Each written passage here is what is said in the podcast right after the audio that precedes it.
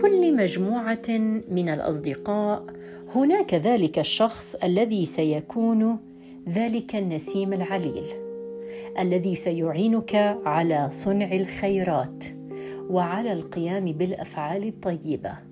شخص يعينك على طاعة الله شخص يساعدك على جبر الخواطر على تفريج الكرب على سد الهموم.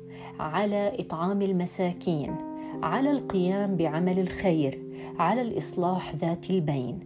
هناك ذلك الصديق في كل مجموعة والذي يكون صوت الحق والعدل والإحسان.